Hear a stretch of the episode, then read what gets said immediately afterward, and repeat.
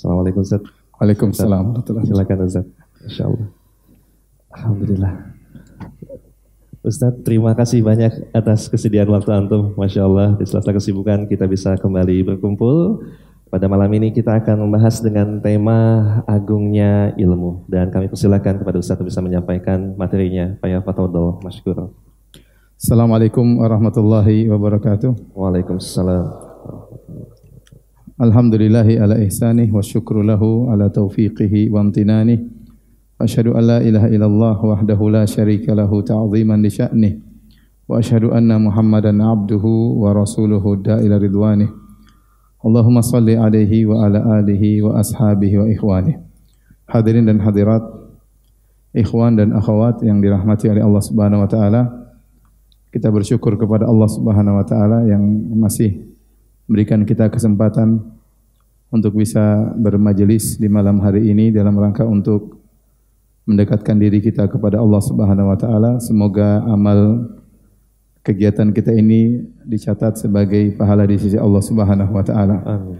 Salawat dan salam tercurahkan selalu kepada junjungan kita Nabi Muhammad sallallahu alaihi wasallam dan juga kepada keluarganya serta seluruh sahabat beliau tanpa terkecuali. Setiap hari tatkala kita salat kita berikrar dan kita memohon kepada Allah dalam salat kita dengan membaca surat Al-Fatihah. Dan di akhir surat kita berdoa kepada Allah, ihdinas siratal mustaqim. Ya Allah, tunjukkanlah kami jalan yang lurus. Siratal ladzina an'amta alaihim, yaitu jalannya orang-orang yang kau beri anugerah kepada mereka. Kemudian ghairil maghdubi alaihim waladdallin bukan jalannya orang-orang yang engkau murkai dan bukan jalannya orang-orang yang sesat.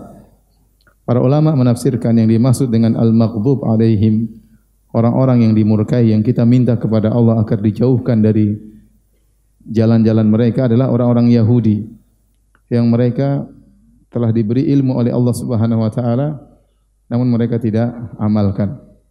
Adapun waladhdallin dan orang-orang yang sesat para ulama sepakat yang dimaksud adalah orang-orang Nasara yang mereka semangat beribadah namun tidak di atas ilmu. Maka seorang muslim, seorang mukmin berusaha beribadah di atas ilmu, mencari ilmu namun kalau dia sudah mendapatkan ilmu tersebut maka dia berusaha mengamalkannya sehingga dia tidak bertasyabuh dengan Yahudi dan tidak bersyabuh bertasyabuh dengan Nasara. Pada kesempatan kali ini kita akan bahas tentang agungnya ilmu. Dan ilmu adalah perkara yang sangat diagungkan oleh Allah Subhanahu wa taala dan juga diagungkan oleh Nabi sallallahu alaihi wasallam. Terlalu banyak dalil dalam Al-Qur'an maupun sunnah Nabi yang menjelaskan tentang agungnya ilmu. Kalau kita mau baca ayat-ayat tentang ilmu dalam Al-Qur'an satu persatu, maka akan makan waktu yang panjang. Apalagi kalau kita ingin baca hadis-hadis tentang agungnya agungnya ilmu satu persatu ya maka tentu akan makan waktu yang sangat panjang. Namun di kesempatan yang singkat ini kita akan menyebutkan sebagian ayat-ayat dan sebagian hadis-hadis tentang agungnya ilmu. Di antara ayat-ayat yang menunjukkan akan agungnya ilmu, Allah Subhanahu wa taala memerintahkan nabi untuk minta tambahan ilmu. Kata Allah, "Wa qur rabbi zidni ilma." Dan katakanlah wahai Muhammad, Ya Robku, tambahkanlah ilmu kepadaku. Dan tidak ada dalam Al-Quran Allah merintahkan Nabi untuk minta tambahan kecuali tambahan ilmu. Kecuali tambahan ilmu. Yaitu dalam ayat wa kur rabbi zidini ilma. Dan katakanlah wahai Muhammad, ya Robku, tambahkanlah ilmu bagiku. Ini menunjukkan agungnya ilmu. Karena Nabi disuruh berdoa kepada Allah untuk minta tambahan ilmu. Di antara ayat yang menunjukkan akan agungnya ilmu. Allah berfirman, yarfa'illahu alladhina amanu minkum walladhina utul ilma darajat. Niscaya Allah akan mengangkat orang-orang ya beriman di antara kalian dan orang-orang yang berilmu di antara kalian beberapa derajat. Orang yang beriman diangkat derajatnya dan orang yang berilmu diangkat beberapa derajat di atas orang yang beriman. Jadi orang beriman diangkat derajatnya, orang berilmu beberapa derajat di atas orang beriman. Oleh karenanya waktu uh, Nabi Daud ya uh, dan Nabi Sulaiman diberikan ilmu ya maka mereka berdua berkata alhamdulilladzi faddalana ala katsirin min ibadihi mu'minin walaqad ataina Dawud wa Sulaimana ilma. Kata Allah sungguh kami telah memberikan kepada Daud dan Sulaiman ilmu. Lantas faqala Nabi Daud dan Nabi Sulaiman berkata alhamdulillahilladzi faddalana ala kathirin min ibadihil mu'minin. Segala puji bagi Allah yang telah memuliakan kami dari kebanyakan orang-orang yang beriman. Dengan apa? Dengan ilmu. Dengan ilmu Allah memuliakan Nabi Daud dan Nabi Sulaiman alaihi wassalam.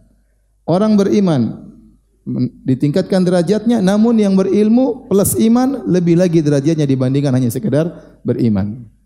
Oleh karenanya tidaklah Allah memerintahkan para malaikat untuk sujud kepada Nabi Adam kecuali karena Nabi Adam punya ilmu. Wa 'allama Adam al-asma'a kullaha. Thumma aradahum 'ala al-malaikati faqala anbi'uni bi asma'i haula in kuntum sadiqin. Maka Allah mengajarkan kepada Nabi Adam alaihissalam ilmu.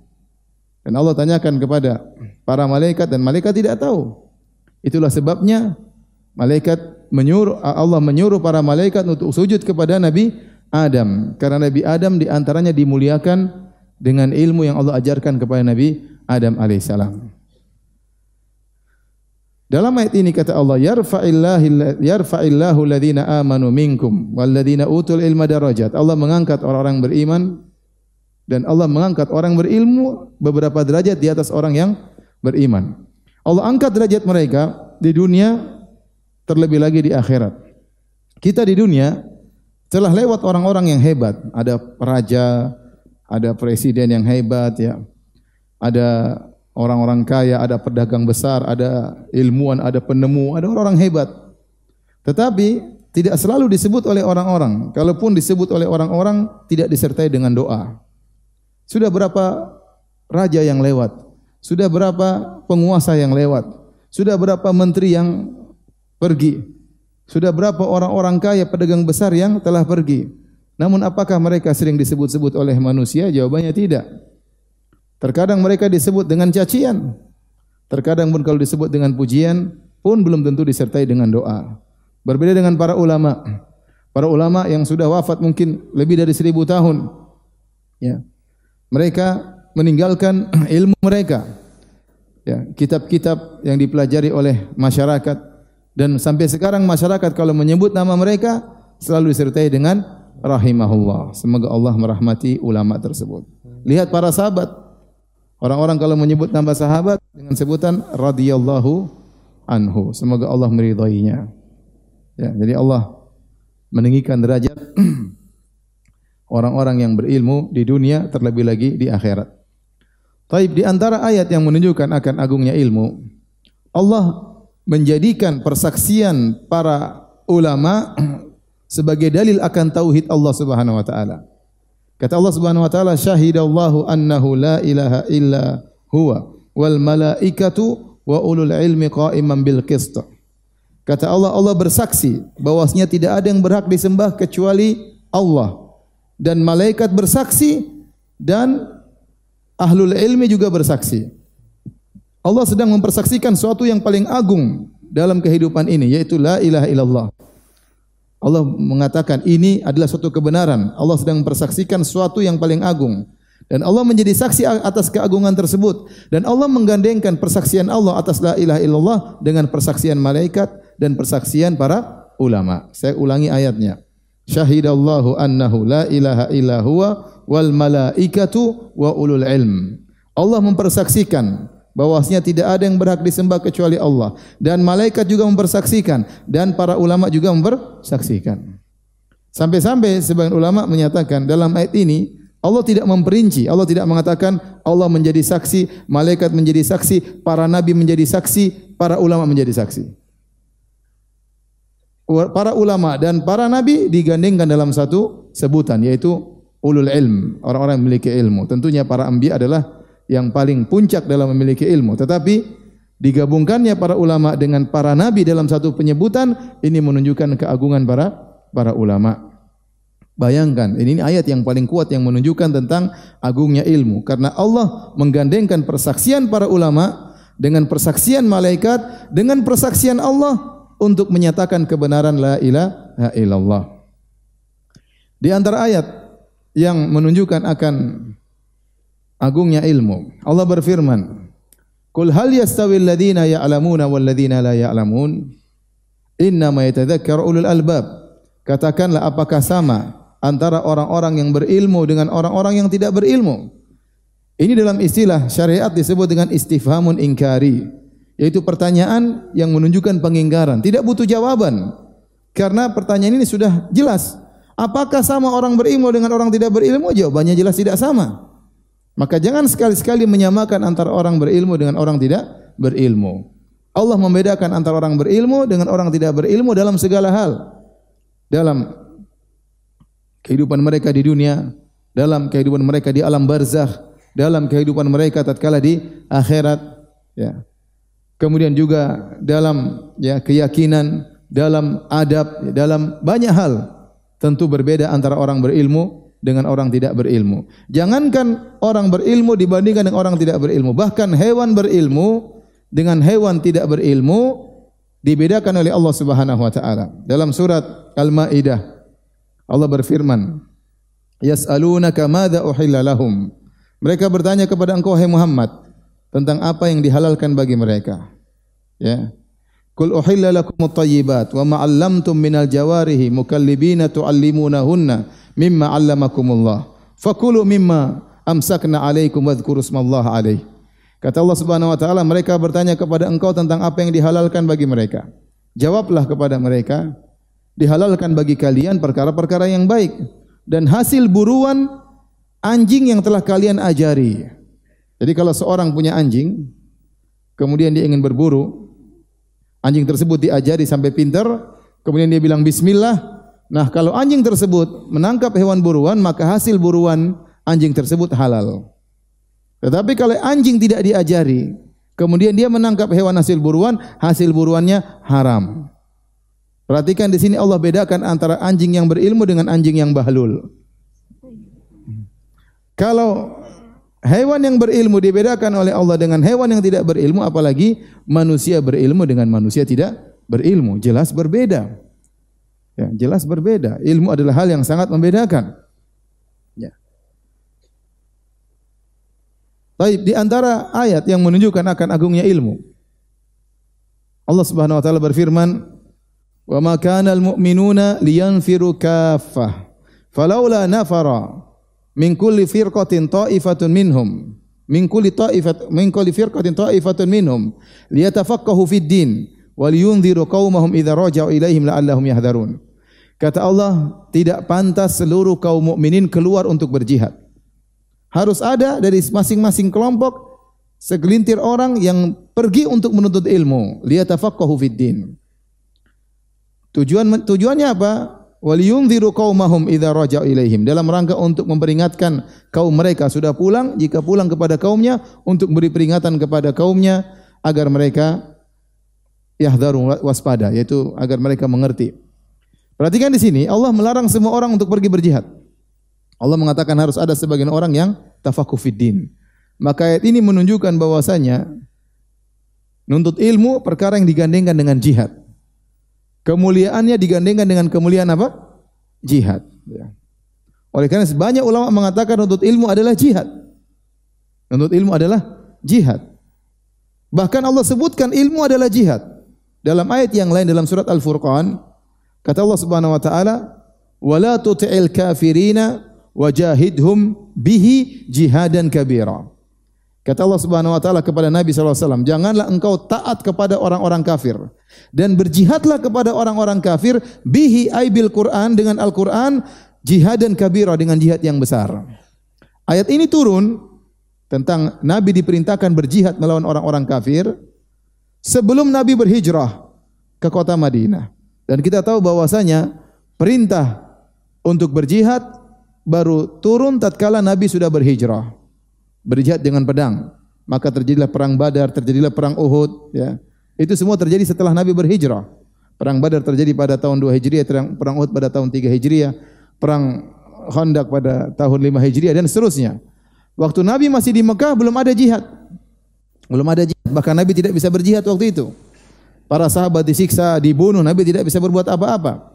Waktu keluarga Yasir dibunuh, kemudian Sumayyah, ibunya Ammar ditikam oleh Abu Jahal sehingga meninggal dunia adalah wanita pertama mati syahid. Apa kata Nabi SAW tatkala melewati keluarga Yasir yang sedang disiksa? Kata Nabi, Sabron ala Yasir. Fa inna mau'idakumul jannah. Sabarlah wahai keluarga Yasir.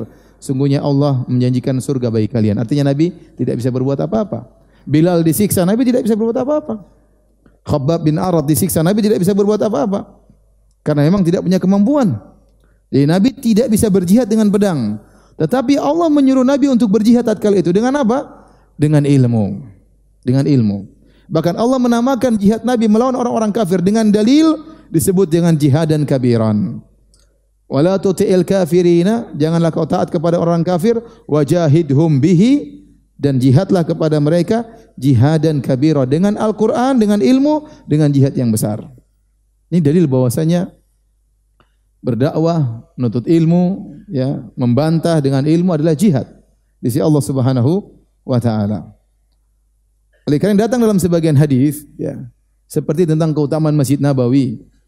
Kata Nabi SAW, Man ya'ti masjidana, barang siapa yang datang, datang kepada masjid kami, itu Masjid Nabawi.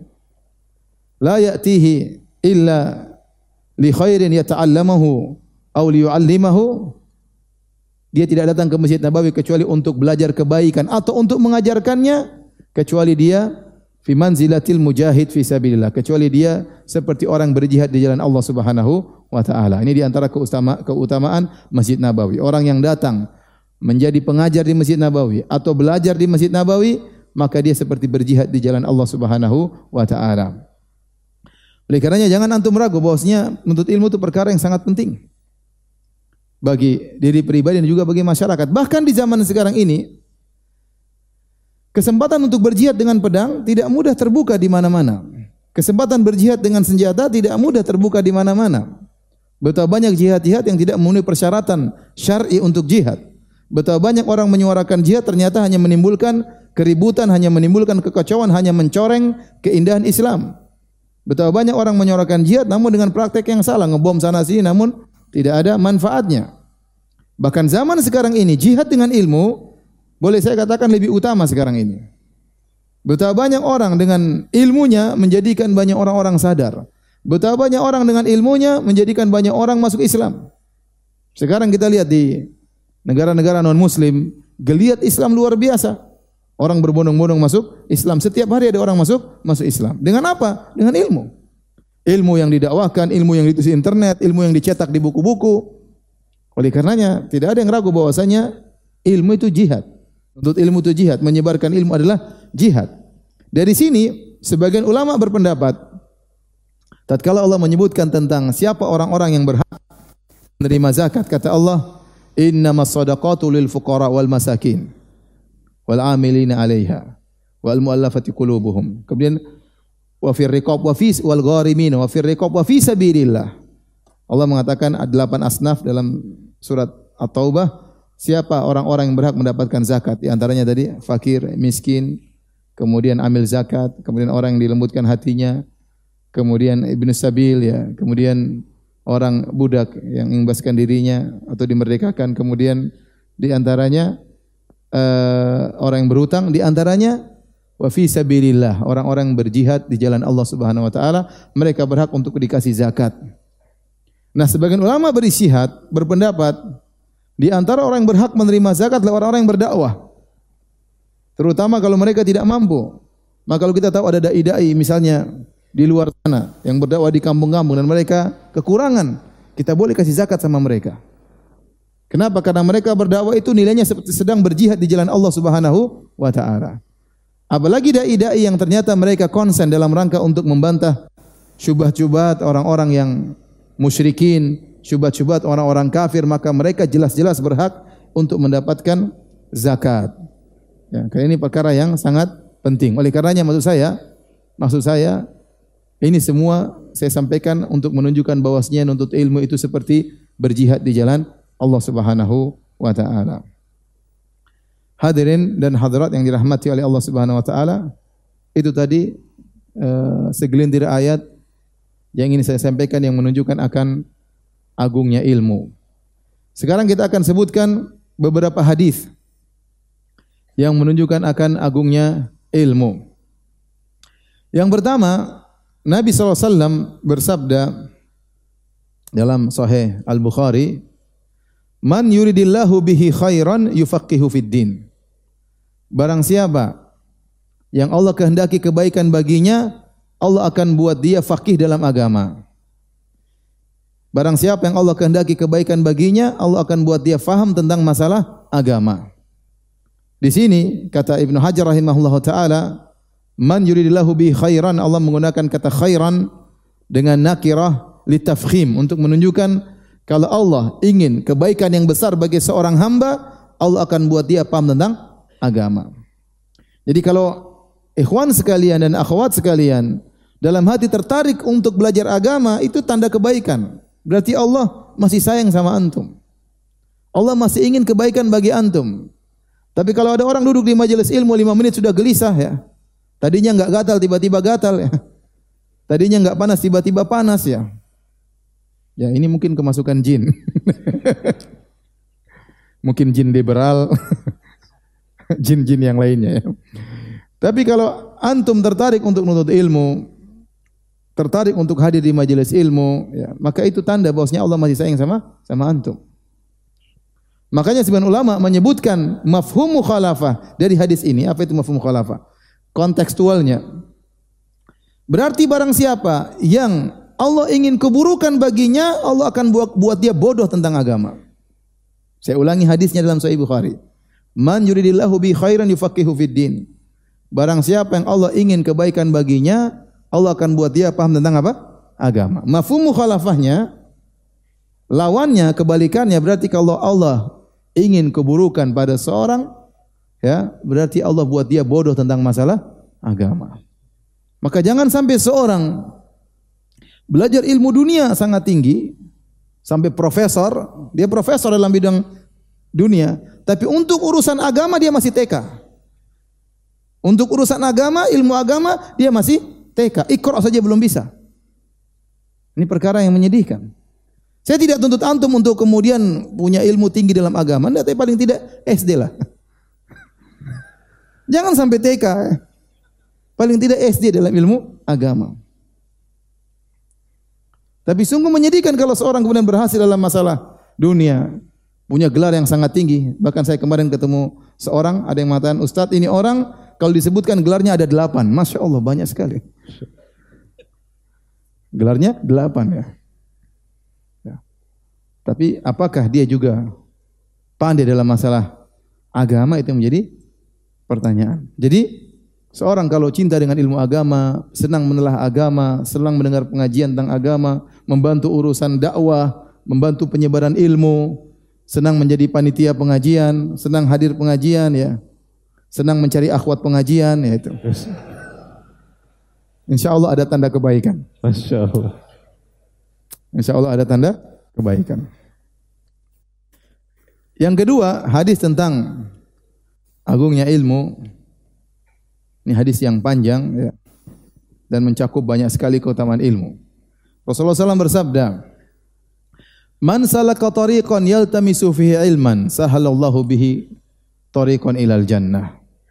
Barang siapa yang menempuh suatu jalan dalam rangka menuntut ilmu, Allah akan mudahkan jalannya menuju surga. Wa innal alim wa innal malaikata latadau ajnihataha ridhan li talibil ilmi bima yasna. Sungguhnya para malaikat meletakkan sayapnya ya kepada penuntut ilmu karena ridha suka dengan apa yang dilakukan oleh penuntut ilmu tersebut. Saya akan sebutkan satu persatu poin dari hadis ini. Kita mulai dari yang pertama. Kata Nabi SAW, Man salaka tariqan yaltamisu fi ilman sahalallahu bihi lahu tariqan ilal jannah. Barang siapa menempuh suatu jalan dan merangka menuntut ilmu, Allah akan mudahkan jalannya menuju surga. Bukankah setiap amal soleh yang kita lakukan, yang kita langkahkan kaki menuju amal soleh tersebut, memudahkan kita menuju surga? Iya atau tidak? Kalau kita melangkahkan kaki menuju masjid sholat berjamaah, bukankah kita menuju surga? Iya atau tidak? Iya. iya. Bukankah kalau kita berjalan silaturahmi menuju orang tua kita untuk menyenangkan hati ibu kita, kita melangkahkan kaki berjalan bersafar dalam waktu yang jauh, menempuh jarak yang jauh, bukankah kita menuju surga? Iya. Bukankah kalau kita melangkahkan kaki untuk umrah, bukankah kita menuju surga? Bukankah kalau kita melangkahkan kaki berpindah dari satu manasik ke manasik yang lain, dari tawaf, kemudian sa'i, kemudian nanti ke Mina, ke Arafah, ke Muzdalifah dan yang lainnya, bukankah kita menuju surga? Iya. Bukankah tatkala kita berjihad, kita berjalan, bukankah kita menuju surga? Iya, berarti seluruh langkah kaki kita tatkala menuju amal soleh, semua mengantarkan kita menuju surga. Namun timbul pertanyaan, kenapa Nabi mengkhususkan orang yang sedang menuntut ilmu? Paham pertanyaannya? Atau masih TK? Paham pertanyaannya? Saya ulangi. Nabi berkata dalam hadisnya, "Man salaka tariqan yaltamisu fihi ilman, sahalallahu bi tariqan ila jannah." Barang siapa yang melangkahkan kaki dalam rangka menuntut ilmu, menempuh suatu jalan, Allah akan memudahkan jalannya menuju surga. Padahal kita melangkahkan kaki untuk amal soleh banyak. Untuk bersedekah, untuk bantu korban bencana, untuk umrah, untuk haji. Bukankah semuanya melangkahkan kaki ini menuju surga? Jawabannya iya. Nah, kenapa Nabi mengkhususkan penyebutan orang yang melangkahkan kaki dalam rangka menuntut ilmu? Jawabannya sebenarnya ulama menjawab, karena jalan termudah menuju surga adalah menuntut ilmu. Lebih mudah daripada yang lainnya. Jalan termudah menuju surga adalah menuntut apa? Ilmu. Kenapa dengan dia tahu tentang ilmu akan terbuka cakrawala kebaikan. Dengan belajar dia akan tahu tentang hal-hal yang buruk untuk dia jauhi. Dengan ilmu dia tahu mana prioritas dalam beramal soleh. Dengan ilmu dia akan bersikap dengan hikmah dan bijak. Dengan ilmu dia akan mengukur semangat dia. Jangan sampai seorang semangat tapi nekat dan akhirnya fatal. Semuanya diukur dengan apa? Ilmu. Oleh karenanya, jalan termudah menuju surga kata para ulama berdasarkan hadis ini adalah menuntut ilmu. Maka saya ingin hadirkan dalam diri kita ikhwan dan akhwat. Bahwasanya nuntut ilmu itu ibadah. Bagaimana bukan ibadah sementara Nabi berkata talabul ilmi faridatun ala kulli muslim. Nuntut ilmu itu wajib bagi setiap muslim. Faridah wajib. Dan wajib itu berarti berpahala. Maka sebagaimana Anda sholat wajib berpahala. Sebagaimana Anda ya puasa Ramadan berpahala. Sebagaimana Anda umroh dan haji dapat pahala, Anda nutut ilmu juga dapat pahala. Anda datang di majelis ilmu, Anda dapat pahala. Anda duduk mendengarkan ilmu, dapat pahala. Anda menelaah buku, dapat pahala. Karena nuntut ilmu itu adalah ibadah. Bahkan saya katakan, sebagaimana orang yang sholat dalam satu masjid, ada seribu jamaah misalnya. Pahalanya berbeda-beda. Kata Syekhul Islam Ibn Taimiyah bisa jadi dua orang. Di saf yang sama, berdampingan, tapi pahala antara si A dan si B jauh seperti langit dan bumi. Karena apa? Karena cara sholat mereka berbeda. Yang satu mungkin sholat di atas sunnah, yang satu mungkin tidak kurang sesuai dengan sunnah, yang satu mungkin khusyuk, sementara satunya pikirannya ke mana-mana. Ya. Pahalanya bisa sejauh langit dan bumi. Maka saya katakan demikian pula. Orang yang hadir dalam majelis ilmu bisa jadi pahalanya berbeda-beda. Ada yang niatnya benar-benar tulus, ikhlas. Ada yang niatnya tulus sekaligus mencari sesuatu. Ada yang mendengar dengan baik dengan seksama. Ada yang mencatat. Ada yang cuma mengangguk-angguk ya. Ada yang sambil ngangguk-ngangguk tapi ngantuk ya. Berbeda-beda, tidak sama. Kenapa? Nuntut ilmu adalah apa? Ibadah. Itu lima ibadah. Bagaimana bukan ibadah sementara Nabi menjelaskan menuntut ilmu itu jalan mudah untuk menuju surga. Kemudian kata Nabi SAW, Innal malaikata la tada'u ajnitaha, ajnihataha. Ya, ridhan bi talibil ilmi, li talibil ilmi bima yasna. Sungguhnya malaikat menurunkan sayapnya. Malaikat terbang sayapnya di atas. Begitu melihat orang menuntut ilmu lewat, dia tundukkan sayapnya. Kenapa? Dia menghormati penuntut ilmu. Malaikat makhluk mulia atau bukan? Mulia. Tapi kalau dia melihat ada orang berjalan menuntut ilmu, semangat ya. Bawa buku ya. Jauh-jauh datang, maka malaikat berhenti untuk menghormati penuntut ilmu tersebut. Tentunya kita tidak lihat seperti ini. Kita tidak lihat, tapi ini adalah perkara yang Nabi kabarkan kepada kepada kita. Kemudian kata Nabi SAW, Wa innal alim la yastaghfiru lahu man fis samawati man fil ardi hatta al-hitan fil bahr. Kata Nabi, sungguhnya orang yang berilmu itu dimohonkan ampunan baginya seluruh yang ada di langit dan ada di bumi. Seluruh yang ada di langit, yang ada di bumi semuanya mohon ampun buat orang yang berilmu ini. Dan ini tingkatan yang lebih tinggi. Penuntut ilmu belum dapat ini. Dia harus terus belajar, terus belajar, terus belajar sampai-sampai pada derajat alim. Kalau dia sudah mencapai derajat alim, maka seluruh makhluk langit di bumi semuanya mendoakan agar dia diampuni. Bahkan Nabi menjelaskan hatal hitan fil bahar sampai lautan yang ada, sampai ikan yang ada di lautan juga mohon ampun bagi dia. Kenapa kata para ulama? Karena ilmu itu mendatangkan kesejahteraan. Ilmu itu mendatangkan ketentraman. Ilmu menghindarkan manusia dari kerusakan. Adapun orang tidak berilmu, ya, kebodohan, kejahilan itu yang menimbulkan kerusakan, menimbulkan bencana, menimbulkan peperangan, itu semua karena kejahilan. Oleh karenanya sampai-sampai ikan di lautan mendoakan bagi orang yang berilmu. Kemudian kata Nabi SAW, Wa fadlul alim alal abid ka fadlil qamari ala sairil kawakib. Dan keutamaan orang yang berilmu dibandingkan dengan orang yang ahli ibadah seperti keutamaan rembulan dibandingkan seluruh bintang-bintang yang ada. Ya akhi, rembulan ada berapa? Ya? Satu atau dua? Satu. Satu. Bintang banyak atau tidak? Banyak. Banyak ya, bintang banyak ya. Saya tidak tanya rembulan di rumah ya, rembulan di atas ya. rembulan di atas cuma satu, bintang banyak. Tetapi yang sinarnya sampai ke bumi rembulan atau bintang-bintang? Rembulan, terutama bulan purnama. Bulan purnama itulah sinarnya sampai ke atas muka bumi. Yang beri cahaya bagi orang sedang menempuh perjalanan di malam hari. Itulah rembulan.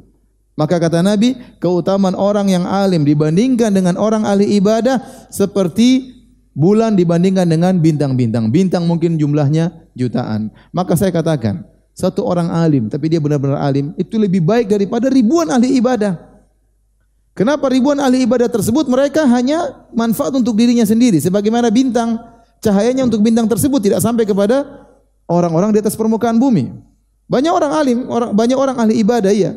Dia rajin umroh, rajin haji, rajin zikir, rajin baca Quran, tapi dia bukan orang alim. Yang bisa memberi penerangan kepada masyarakat orang alim, yang bisa memberikan peringatan kepada masyarakat orang alim. Oleh karena Nabi mengatakan keutamaan orang alim dibandingkan ahli ibadah. Ahli ibadah ini rajin sholat, rajin puasa, rajin macam-macam. Seperti keutamaan rembulan dibandingkan dengan bintang-bintang. Bintang-bintang yang begitu banyak, cahayanya tidak sampai ke bumi. Maka seorang alim benar-benar diagungkan oleh Nabi Shallallahu Alaihi Wasallam. Kemudian, ya, makanya saya katakan kalau ada orang alim meninggal dunia, kita kehilangan para ulama tatkala meninggal dunia, kita kehilangan ilmu yang yang besar dari mereka. Ya. Kalau ahli ibadah meninggal, kita kehilangan, tapi tidak begitu kehilangan seperti meninggalnya seorang alim. Ya.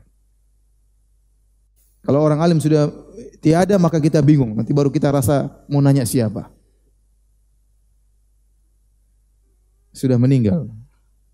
Ulama tersebut sudah meninggal. Susah mau bertanya. Ilmunya hilang bersama dia. Taib. Hadirin dan hadirat yang dirahmati Allah Subhanahu wa taala. Kemudian Nabi sallallahu alaihi wasallam bersabda, "Wa innal ulama warathatul anbiya." Sungguhnya para ulama adalah pewaris para nabi. Para ulama adalah pewaris para nabi. Wa innal anbiya lam yuwarithu dinaran wala dirhaman. Sungguhnya para nabi tidak mewariskan dinar dan dirham. Para nabi tidak mewariskan apa? Harta. Ya, bahkan Nabi berkata, "Ma taraknahu sadaqah." Kata Nabi, apa yang kami tinggalkan sedekah bagi kaum muslimin. Nabi tidak ada warisan yang diberikan kepada ahli warisnya, enggak ada. Semua yang Nabi tinggalkan jadi sedekah bagi kaum muslimin.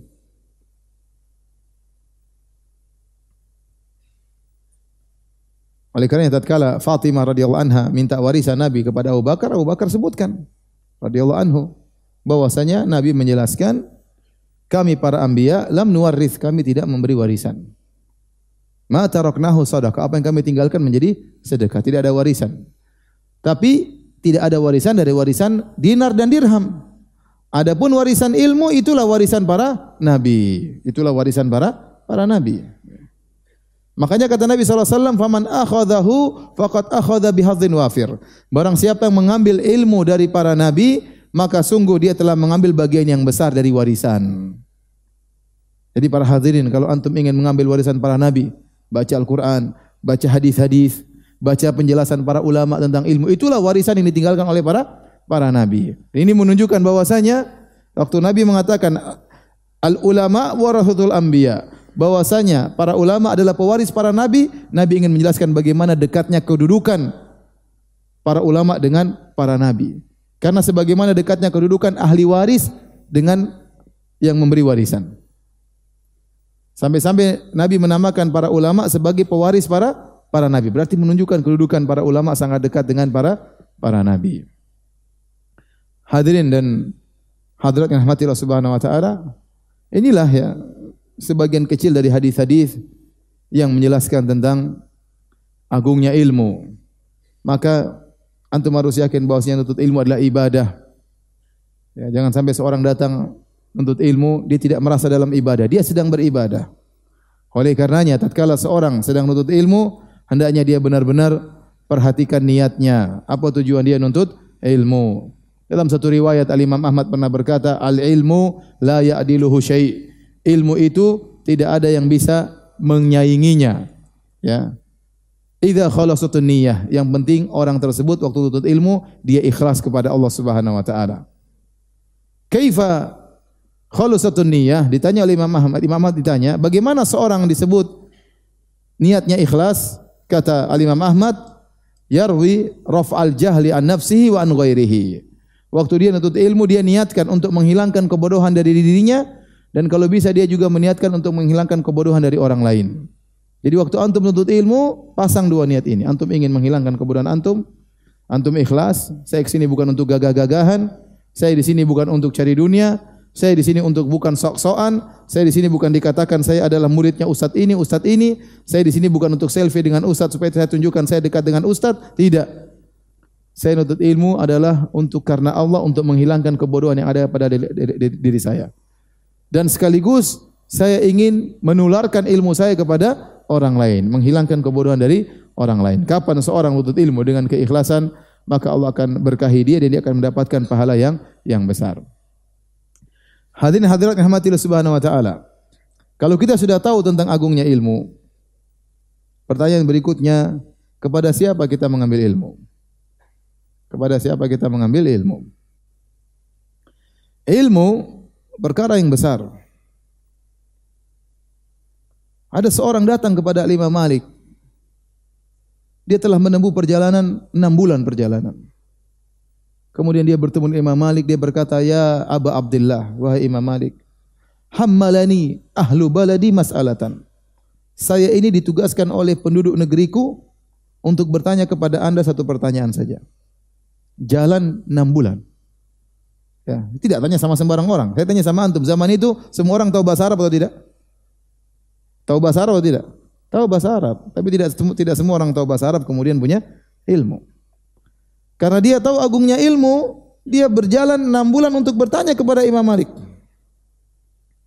Begitu sampai ketemu Imam Malik, dia bilang, wahai Imam Malik, saya ini ditugaskan oleh kaumku untuk bertanya kepada satu permasalahan. Kata Imam Malik, apa pertanyaannya? Maka dia pun tanya kepada Imam Malik. Imam Malik berkatakan, la uhsin, saya tidak tahu jawabannya. Kata dia Imam Malik, satu pertanyaan, saya tidak tahu jawabannya. Apa yang harus aku katakan kepada Kampungku orang kampung, saya sudah berjalan enam bulan ke sini ketemu Anda. Apa yang harus saya katakan kepada mereka? Kata Imam Malik, sampaikan kepada mereka. Malik berkata, saya tidak tahu. Ada seorang datang kepada Imam Malik juga. Wah Imam Malik, saya punya pertanyaan. Pertanyaan ringan. Imam Malik menegur, tidak ada yang ringan dalam masalah agama. Allah berfirman, Inna sanulki alaika qawlan thaqila. Sungguh kami akan ya melemparkan kepada engkau wahai Muhammad perkataan yang berat itu Al-Qur'an. Tidak ada yang ringan dalam masalah agama. Oleh karenanya ilmu itu agung. Terlebih lagi ilmu agama sangat agung. Maka seorang berusaha mengagungkan ilmu tersebut.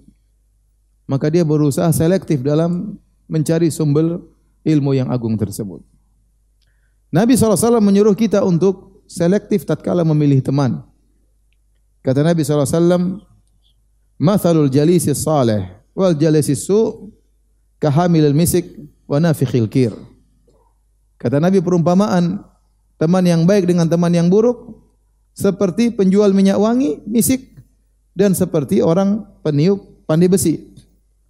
Adapun penjual minyak wangi mungkin dia kasih hadiah kepada engkau minyak wangi? Atau kau beli kalau dia tidak kasih hadiah kau belilah dari dia? Atau kalau tidak anta jida minhu rihan thayyibah paling tidak kau tidak beli kau juga tidak dikasih tapi kalau kau jalan sama dia kau kecipratan bau yang harum. Itu kalau punya teman yang yang baik. Adapun kalau punya teman yang buruk karena fi khilkir seperti orang peniup peniup alat peniup besi Ya. Mungkin kau terbakar dari tiupannya. Paling tidak kau akan mendapati rihan khabithah, bau yang buruk darinya. Ini Nabi menunjukkan harus selektif dalam mencari kawan. Dalam hadis yang lain kata Nabi SAW, Al-mar'u ala dini khalilihi. Falyanzur ahadukum man yukhalil. Seorang itu di atas agama temannya. Maka hendaknya seorang selektif dalam memilih teman. Siapa yang harus menjadi teman jalannya? Saya sering sampaikan dalam istilah pepatah Arab, as-sahibu sahib. Bahwasanya sahabat itu menggeret. Ya, sahabat itu sahib menggeret. Kalau kita bertemu dengan seorang akan terjadi sinkronisasi. Entah kita yang akan seperti dia atau dia akan seperti kita. Kalau tidak maka akan terputus persahabatan tersebut. Kalau seorang sering bergaul dengan orang yang ternyata mulutnya kotor, dia akan terbawa pada mulut kotor tersebut. Kalau seorang sering bergaul dengan orang rajin sholat ke masjid, dia akan terbawa rajin sholat ke masjid. Kalau dia bergaul dengan orang suka ikut pengajian, dia lama-lama ikut pengajian. Kalau dia bergaul dengan orang suka gibah, dia akan terbawa modelnya juga suka gibah seperti orang tersebut. Karena sahabat itu persahabatan akan terjadi sinkronisasi. Mau tidak mau, as-sahibu sahib, sahabat akan menarik. Nah, kalau ternyata untuk memilih teman itu harus selektif, apalagi memilih guru. Apalagi memilih guru.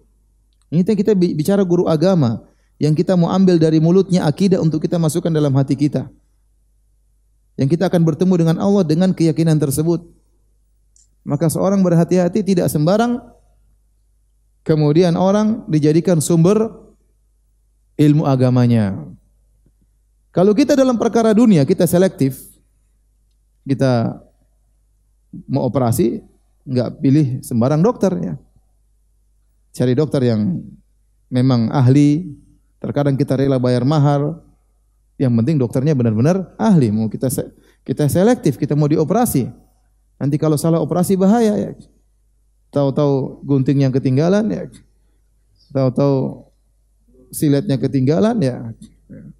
Repot ya. Tidak sembarang kita jadikan dokter. Tidak usah kita sakit sederhana aja sakit sesuatu kita milih dokter sana lebih bagus pergi ke dokter itu. Ini kurang bagus obatnya kurang manjur. Dokter sana lebih baik. Kita selektif. Kalau kita ingin memanggil guru untuk les di rumah untuk mengajari anak-anak kita, apa kita sembarang pilih guru? Jawabannya tidak. Kita pasti pilih guru yang baik. Itu urusan urusan dunia. Untuk ngajari bahasa Inggris, untuk ngajari matematika, untuk ngajari fisika, untuk ngajari kimia, ya. Selektif. Apalagi kalau kita ingin mengambil ilmu agama. Oleh karena seorang harus selektif tatkala memilih guru untuk diambil ilmu agamanya. Hal ini lebih dituntut di zaman sekarang. Tatkala sudah sulit dibedakan mana ustadz yang benar dan mana ustadz ustadan. Semua orang akhirnya menjadi ustadz sekarang. Semua orang boleh berbicara, semua orang bisa menjadi ustadz karbitan. Dia baca suatu tulisan, di internet, lima menit dia baca, dia pahami, dia bisa sampaikan. Padahal kalau sudah berbicara yang lain tidak tahu sama sama sekali. Sehingga diustadkanlah oleh masyarakat. Apalagi kalau ternyata dia sangat pandai berorasi. Orang semakin suka dengan dia. Apalagi ustadz ini fleksibel. Ya. halal-halal ya. Jangan ke ustadz sana, haram-haram terus. Ya. Sehingga masyarakat mendapatkan apa yang mereka cari. Nanti ke ustadz sana pasti haram. Ini ustadz ini halal. Ya. Dan itu terjadi, ikhwan. Terjadi. Nah, ini ustadz yang apa namanya moderat ya. Kenapa? Karena menghalalkan. Ini ustadz yang lembut. Kenapa dikatakan lembut? Karena menghalalkan. Ini ustadz kenceng. Kenapa? Musik diharamkan. Ini ustadz fleksibel, cerdas, wawasannya luas. Intinya kenapa? Karena musiknya halal. Ini contoh sederhana. Ini baru kita bicara tentang hukum, belum kita bicara tentang akidah. Di zaman Al Imam Malik, Imam Malik punya guru nama namanya Rabi'atu Ar-Ra'i. Dikenal dengan Rabi'atu Ar-Ra'i. Dan namanya Rabi'ah bin Abi Abdurrahman. Gurunya Al Imam Malik. Min sigori tabi'in. Suatu hari ada seorang datang bertemu dengan Rabi'ah dan Rabi'ah ia beki dalam kondisi menangis. Maka orang yang bertanya, "Ma yubki? Apa yang buat kau menangis wahai Imam Rabi'ah?"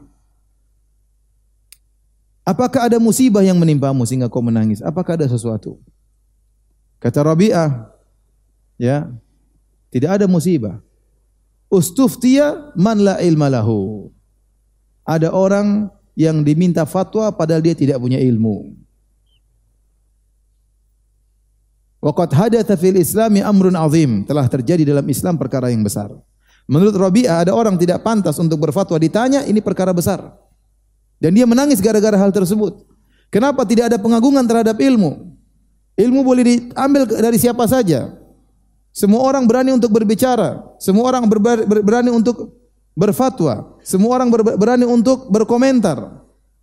Tanpa ada landasan belajar agamanya sama sekali. Baru sebulan jadi ustad. Baru sadar, baru hijrah. Kemudian sudah komentar tentang masalah agama. Ya akhi antum kalau hijrah kita semua senang. Tapi tidak semua orang yang hijrah langsung jadi ustad, jangan. Oh ini orang hebat, dulu bekas ini, bekas anu. Tidak apa-apa, kita gembira ada orang hijrah. Tapi jangan jadi ustad. Bolehlah jadi motivator, oke lah. Tapi jangan jadi apa? Jadi ustad. Fenomena ini banyak, saya dulu dengar di Mesir, sebagian ulama mengingkari. Karena banyak orang-orang yang berhijrah di Mesir baru sadar berkas artis, berkas ini, berkas ini, tahu-tahu langsung ceramah. Ya ini tidak tidak pas. Ya, ini bentuk perendahan terhadap ilmu. Akhirnya beliau menangis, Rabi'ah. Dan dia berkata, "Wala ba'dhun mimman yuftiha huna ahaqqu bisijin minas suraq." Kata dia sebagian orang yang berfatwa di sini lebih utama untuk dipenjara daripada para pencuri. Ini perkataan Rabi'ah. Rabi'ah ini wafat pada tahun 136 Hijriah. 136 Hijriah.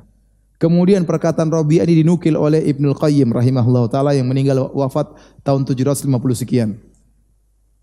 Kemudian beliau berkata, "Fa kaifa law ra'a ahla zamanina?" Bagaimana kalau Rabi'ah lihat orang-orang di model zaman kita sekarang ini? Kata Ibnul Qayyim di abad ke-8. Rabi'ah wafat pada abad kedua. Ibnul Qayyim menukil perkataannya dan mengatakan bagaimana kalau Rabi'ah yang wafat abad kedua hidup di abad ke-8, lihat bagaimana orang semua semangat berfatwa. Maka kita katakan pula bagaimana kalau Rabi'ah hidup di abad sekarang di Indonesia, masya Allah. Tiap hari nangis. ya, subhanallah. Orang semua berbicara masalah agama. Kalau masalah kimia tidak semua orang berani berbicara. Coba ada profesor ngomong masalah kimia, tidak semua orang bisa komentar karena tahu diri tidak tahu masalah kimia. Kalau masalah kedokteran tidak semua orang komentar. Ya. Tapi kalau masalah agama semua berani komentar. Itu yang saya heran. Dan masalah agama semua, semuanya strata manusia yang baru belajar ngaji, yang tidak tahu bahasa Arab, yang tidak tahu ngaji, ya. Semuanya berani komentar masalah agama. Padahal masalah agama ini masalah syariat Allah Subhanahu wa taala. Ya. Matematika salah hitung bahaya apalagi syariat salah bicara. Oleh karenanya hadirin hadirat yang Allah Subhanahu wa taala, kita ingin hidup dengan tenang ya. Kalau kita salah memilih guru ya. Kemudian kita menyerap semua yang disampaikan oleh guru, Akhirnya banyak syubhat yang masuk, banyak perkara yang tidak jelas masuk, banyak akidah yang menyimpang masuk. Kita repot sendiri akhirnya. Betapa sering saya ditanya oleh seorang, Ustaz ini ada syubhat gini. Ente ngapain baca syubhat? Datang lagi saya sudah jelaskan datang lagi Ustaz ada syubhat begini subhanallah. Ente ngapain baca apa? Syubhat. Enggak usah dengar. Dengar yang benar-benar kita tahu bahwasanya dia berada di atas ilmu yang yang benar. Karena hadirin hadirat yang hadirat subhanahu wa taala mengingat di zaman sekarang ini betapa banyak orang yang pandai berbicara agama, maka seorang harus selektif. Karena dia akan bertemu dengan Allah dengan ilmu tersebut. Jangan sampai dia salah berkeyakinan. Allah taala alam bisawab. Ini saja yang bisa sampaikan pada kesempatan kali ini. Semoga kita diampuni oleh Allah Subhanahu wa taala dan semoga kita dikumpulkan di surganya kelak. Amin ya rabbal alamin. Masya Allah, syukur Ustaz atas penyampaian materinya Iya. dan sebenarnya sangat banyak sekali faedah yang bisa kita dapatkan. Ustaz sebelum ke soal jawab berkaitan, berkaitan dengan kita yang baru saja belajar dan biasanya mengandalkan mencari guru berdasarkan pertanyaan, bertanya kepada teman atau kepada ustadz yang kita kenal. Untuk tahap awal bagaimana Ustaz ya metodenya Ustaz? Saya bilang ya di luar sana banyak orang yang tidak pantas menjadi ustadz dan banyak orang yang pantas memang jadi ustadz. Ya, banyak juga ya. Tentunya kita memilah-milih, kita bertanya kepada eh, orang-orang yang amanah ya. Kita ingin cari dai atau mubalik atau ustadz yang jelas keilmuannya ya dan itu banyak ya. ya tanpa harus mencela yang lainnya, tanpa harus mencela yang lainnya. Tapi kita untuk pribadi sebagaimana saya selektif untuk belajar ilmu dunia, sebagaimana saya selektif untuk memilih universitas, saya juga berhak untuk selektif memilih guru yang menurut saya saya percaya yang bisa dipertanggungjawabkan di hadapan Allah Subhanahu wa taala. Oleh karenanya Imam Syafi'i rahimahullah pernah berkata, ya, saya ridho Imam Malik sebagai hujah di depan Allah Subhanahu wa taala. Artinya dia mengatakan saya ridho Imam Malik guru saya sebagai hujah di hadapan Allah Subhanahu wa taala. Imam Malik Imam Syafi'i menjadikan Imam Malik hujah antara dia dengan Allah Subhanahu wa taala. Seorang pun demikian. Untuk ilmu dia harus milih eh, apa namanya? pemateri yang benar yang tepat yang dia bisa jadikan hujah di hadapan Allah Subhanahu wa taala. Tentu tidak ada yang sempurna. Tentu tidak ada yang sempurna. Tidak ada ustadz yang tidak punya kesalahan. Tinggal dia lihat mana kesalahan yang jarang-jarang atau kesalahan yang selalu salah, sering salah ya. Ditegur tidak pernah memperbaiki. Ditegur malah keras kepala. Maka hati-hati ya. Mending kita cari yang jelas-jelas saja. Bisa ditanyakan kepada ustadz atau bisa ditanya kepada kawan-kawan yang sudah lama ngaji misalnya. Allah alam bisawab. Semoga Allah mudahkan kita. Ya semoga. Kit- Sisters dulu kali ya bertanya ya. Ya, silakan. Untuk masih- yang ada uzur ingin meninggalkan majelis, harap eh, menjaga ketenangan dan juga yang berada di depan jalur kamera agar menunduk supaya tidak mengganggu live stream. Eh, kita sisters dulu yang bertanya, ada yang mau bertanya? Silakan kita akan maksimalkan soal jawab di atas dan mohon izin tidak ada soal jawab di bawah tadi Iya. buzzer. Jadi Kita akan maksimalkan kesempatan kita di atas. Sister siap? Assalamualaikum warahmatullahi wabarakatuh Ustaz. Waalaikumsalam. Eh, saya punya Boleh namanya dulu Mbak? oh, saya Utami dari Kebayoran. Silakan Mbak Tami. Eh, saya mm, punya seorang pimpinan, dia seorang Muslim. Selalu kalau berdebat, yang selalu saya katakan adalah eh, kita berpegang pada Al-Quran dan hadis. Tapi pimpinan ini selalu bilangnya hanya kepada Al-Quran saja. Itu bagaimana eh, mensikapinya? Karena saya selalu saya tinggal pergi itu. Ya, udah cukup itu Mbak Tami? Eh, ada satu lagi, eh, se- selalu karena saya eh, saya berhijab dan dia belum, walaupun dia sudah me- eh, berhaji, dan saya selalu katakan mbak kita ini adalah pegangannya Al-Quran dan Allah menyuruh kita di dalam surat eh, yang disebutkan Al-Ajab dan An-Nur bahwa wanita harus menutup aurat dan dia selalu bilang yang penting tidak telanjang. Nah itu bagaimana? Oke. Ya udah ke, ke, bilang ke kantor pakai bikini. Yang penting tidak telanjang. Baik, yang pertama taruhlah kita mengalah dan kita mengatakan, sudah ikut Al-Quran saja. Kita bilang justru Al-Quran menyuruh kita untuk ikut Nabi. Kata Allah, wa ma atakumur rasul fakhudhu, wa ma nahakum. Apa yang Rasul bawa maka terimalah, ambillah. Dan apa yang Rasul larang maka tinggalkanlah. Nah, perintah dan larangan Rasul itu adalah hadis-hadis Nabi wasallam. Nah, kalau Anda mengikuti Al-Qur'an harusnya Anda menjalankan ayat ini. Bagaimana cara Anda menjalankan ayat ini?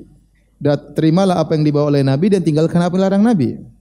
Padahal perintah larangan Nabi itu dalam apa? Dalam hadis-hadis Nabi wasallam. Ini pertama kita bantah. Yang kedua kita katakan kalau kita mengambil prinsip Anda hanya menjalankan Al-Qur'an tanpa hadis, bagaimana cara salat? Dalam salat tidak disebutkan ada salat duhur, asar, maghrib, isya, subuh enggak ada.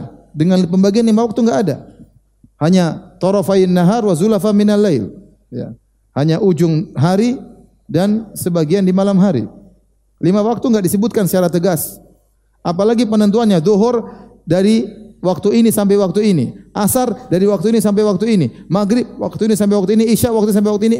Subuh enggak ada penjelasan dalam Al-Quran. Kemudian tidak disebut dalam Al-Quran jumlah rakaat. Tanya sama dia, dia mau sholat duhur, mana dalilnya dari Al-Quran 4 rakaat? Ya, tidak ada dalilnya. Maka dia tidak bisa bakalan sholat kalau hanya berpegang teguh dengan Al-Quran. Belum lagi kita bicara pembatal sholat, tidak ada dalam Al-Quran.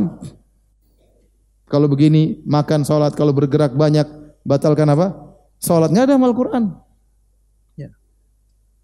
Jadi kalau dia ingin hanya berpegang teguh dengan Al-Quran, dia tidak bakalan bisa sholat. Kalau kita bicara bayar zakat, bagaimana cara bayar zakat? Tidak ada nisabnya dalam Al-Quran. Kalau kambing bagaimana nisabnya, kalau unta bagaimana nisabnya, emas dan perak bagaimana nisabnya, bagaimana zakat barang perdagangan, enggak ada kejelasan. Ya, bagaimana cara dia bayar zakat? Allah yang mengatakan wa atuz zakat, bayar zakat. Nah, kalau pakai Al-Quran bagaimana cara bayar zakatnya? Enggak bisa. Ya. Kemudian kalau dia mau haji, bagaimana cara berhaji? Bagaimana cara ihram? Larangan-larangan ihram. Mikot-mikot di mana? Enggak ada dalam Al-Qur'an. Berarti waktu itu hajinya ngawur berarti. tidak pakai Al-Qur'an. Haji gaya sendiri ya. Oleh karenanya orang yang mengucapkan hal ini dia tidak konsekuensi dengan perkataan ini tidak bisa menjalankan Islam.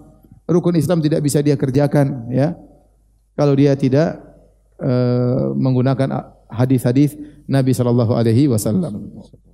Wallahu alam bisawab. Ya, baik, cukup ya, Mbak Utami ya. Baik. Ya, kita ke brothers diusahakan yang sesuai tema supaya kita lebih mengerucut lagi. Masya Allah itu sampai hampir melompat-lompat. Maaf yang pakai baju apa tuh? Pink, ungu, peci biru dongker. Mohon sebutkan nama dan domisilinya ya Mas.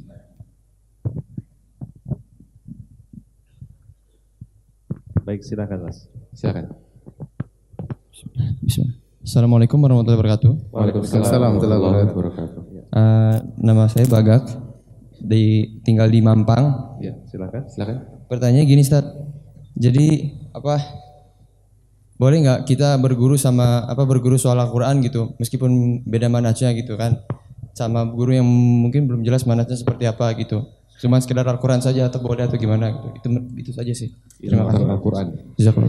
Baik, Kita menurut ilmu yang tidak ada berkaitan dengan masalah akidah ya.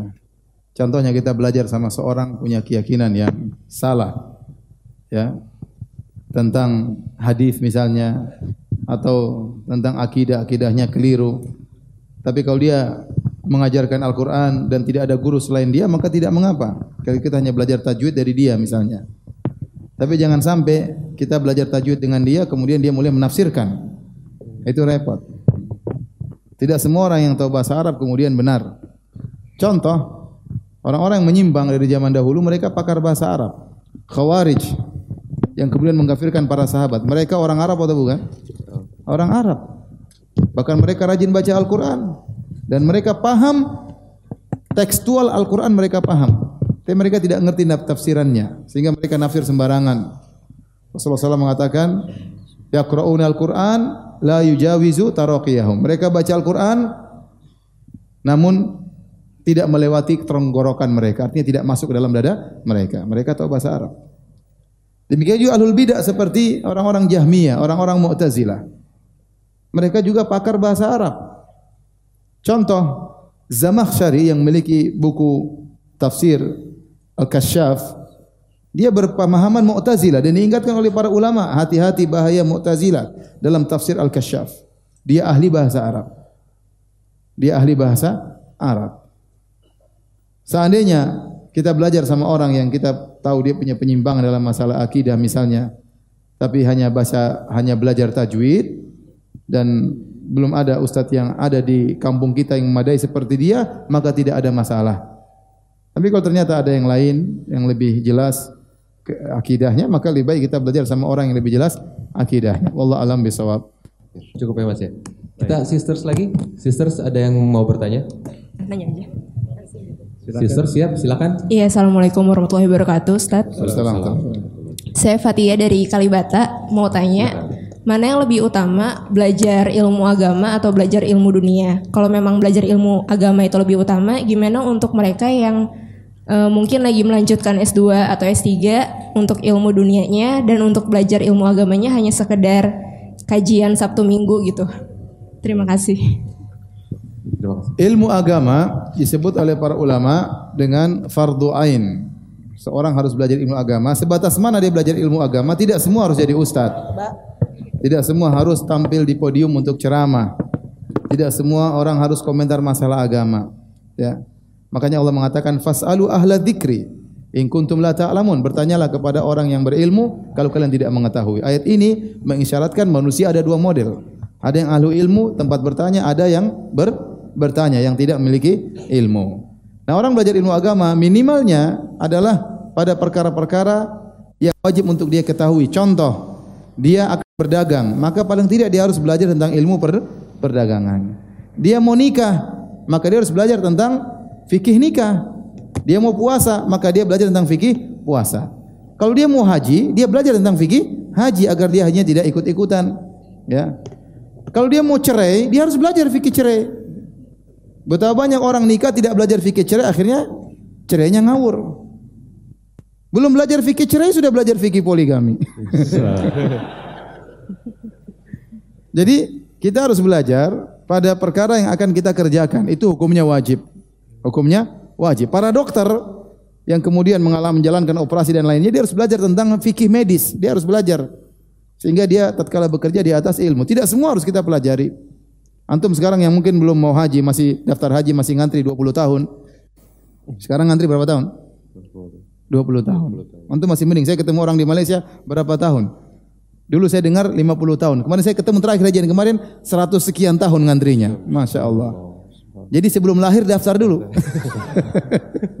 Aste belum lahir daftar. Saking banyaknya semua orang ingin haji ternyata kuotanya ter terbatas. Ya. Jadi mau saya tidak semua ilmu harus kita pelajari. Kalau bertanya ilmu mana lebih bagus belajar ilmu dunia atau agama jelas ilmu agama. Jelas ilmu agama, ilmu agama yang mendekatkan kita kepada Allah, yang menjauh yang apa namanya menjauhkan kita dari neraka jahanam tentu lebih baik. Tapi apakah kita mengkerdilkan, mengecilkan ilmu dunia? Jawabannya tidak. Ilmu dunia fardu kifayah. Fardu kifayah.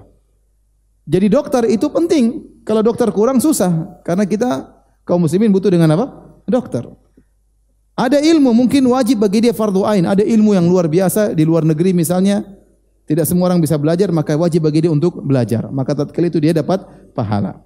Tetapi bedanya ilmu dunia dengan ilmu agama apa? Ilmu agama seorang belajar ilmu agama langsung dapat pahala. Ilmu dunia tergantung niatnya apa. Apakah semua orang jadi dokter dapat pahala? Jawabannya tidak. Kalau ternyata dia jadi dokter, belajarnya setengah mati, hanya sekedar untuk memperkaya dirinya saja, dia hanya dapat dunia, tidak dapat pahala. Tapi kalau dia jadi dokter dengan niat saya ingin membantu kaum muslimin, benar saya juga mengambil tarif dari mereka, tapi saya membantu kaum muslimin kalau ada yang susah saya kurangi apa namanya tarifnya, maka ini yang dapat pahala. Ya. Karena ilmu dunia itu dia tidak berpahala pada zatnya, tapi tergantung buat apa. Kalau ilmu dunia tersebut dia gunakan untuk kepentingan Islam dan kaum muslimin, maka dia dapat pahala dari sisi itu. Maka kalau memang ada orang yang memang dia diberi kemudahan oleh Allah, kecerdasan luar biasa dan dia diberi kesempatan untuk melanjutkan S2 dalam bidang-bidang tertentu yang dibutuhkan oleh kaum muslimin, niatkan ini kaum muslimin perlu, saya harus belajar agar saya memberikan faedah kepada kaum kaum muslim. Maka dia dapat pahala sejak belajarnya, nulis tesisnya dapat pahala, disertasinya dapat pahala, prakteknya dapat pahala karena sejak awal dia tahu dia belajar ini untuk umat Islam. Allah alam bisawab. Masya Allah. Cukup ya, Masya Allah. Pertanyaan terakhir nampaknya. Terakhir ya, udah oh ya jam 9. Masya Allah. Baik Ustaz. Terima kasih banyak atas waktu antum Ustaz dan semoga Allah senantiasa menjaga antum dan keluarga. Begitu pun kita Amin, mohon kepada Allah semoga ini menjadi sebuah amal kita yang Allah terima. Amin ya rabbal alamin. Amin ya rabbal alamin. Dan terima kasih banyak semoga Allah mudahkan kita bertemu di pada pertemuan berikutnya. Kita akhiri dengan doa kamatul majlis. Subhanallahumma bihamdika asyhadu an la ilaha illa anta astaghfiruka wa atubu ilaik. Wa sallallahu ala nabiyyina Muhammadin wa ala alihi washabbihi wasallam. Wassalamualaikum warahmatullahi wabarakatuh.